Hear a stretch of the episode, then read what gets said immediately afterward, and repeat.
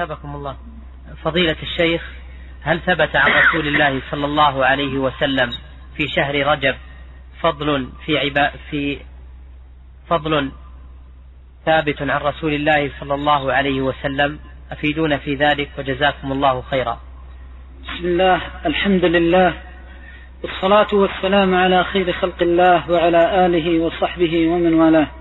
أما بعد فإن شهر رجب من الأشهر الحرم وهي أربعة أشهر عظمها الله عز وجل وجعلها محرمة.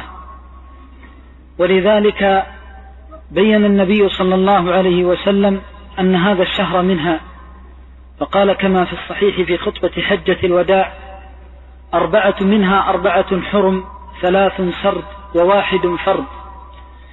ثم ذكر السرد فقال ذو القعدة وذو الحجة والمحرم ورجب مضر وهو الفرد وسمي برجب مضر لأن مضر كانت تعظمه من بين سائر العرب وكانت لا تنسيه ومن هنا فإن شهر رجب من الأشهر الحرم ولكنه لم يخص بعبادة ولا بذكر ولا بطاعة.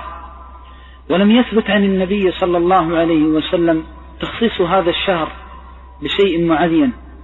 ولم يثبت تخصيص أول جمعة من شهر رجب بصلاة الرغائب التي يقولونها وهي من البدعة والحدث الذي لم يثبت فيه دليل لا في كتاب الله ولا في سنة النبي صلى الله عليه وسلم.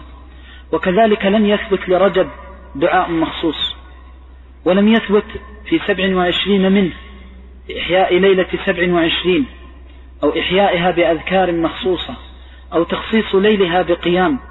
كل ذلك لم يثبت عن رسول الله صلى الله عليه وسلم. ويوم الجمعة مع كونه يوما مفضلا وهو أفضل أيام الأسبوع بالإجماع. فضله الله عز وجل هدانا إليه وأضل عنه من قبلنا. ومع ذلك نهى النبي صلى الله عليه وسلم أن يخص يوم الجمعة بصيام فلا يجوز للمسلم أن يخص زمانا ويعتقد في ذلك الزمان أو يخص جمعة أو يخص شهرا. إلا إذا ورد الدليل وثبت في كتاب الله وسنة النبي صلى الله عليه وسلم بتخصيص هذا الزمان أو هذا المكان بعبادة أو ذكر أو عمل فإنه يتبع ولا يبتدع. وقد حذر الله عز وجل على لسان رسوله صلى الله عليه وسلم من الإحداث في الدين على المسلم أن يسأل العلماء وأن يرجع إلى العلماء في مثل هذه الأمور وأن لا يعتقد شيئا إلا ما ورد الدليل به. يلتزم بهدي الكتاب والسنة وما كان عليه السلف الصالح لهذه الأمة من الصحابة والتابعين. فإننا مأمورون بالاتباع منهيون عن الابتداع. وقد أكمل الله لنبيه الدين.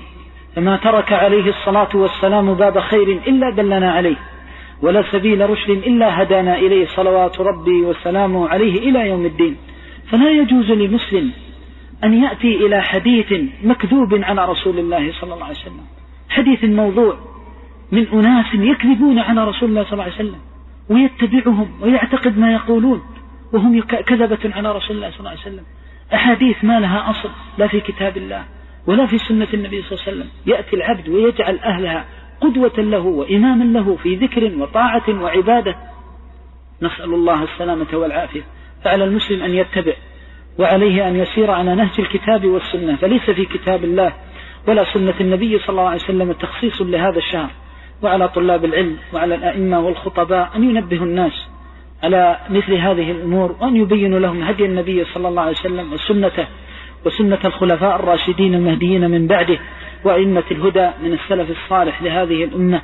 نسأل الله العظيم أن يرينا الحق حقا ويرزقنا اتباعه وأن يرينا الباطل باطلا ويرزقنا اجتنابه. والله تعالى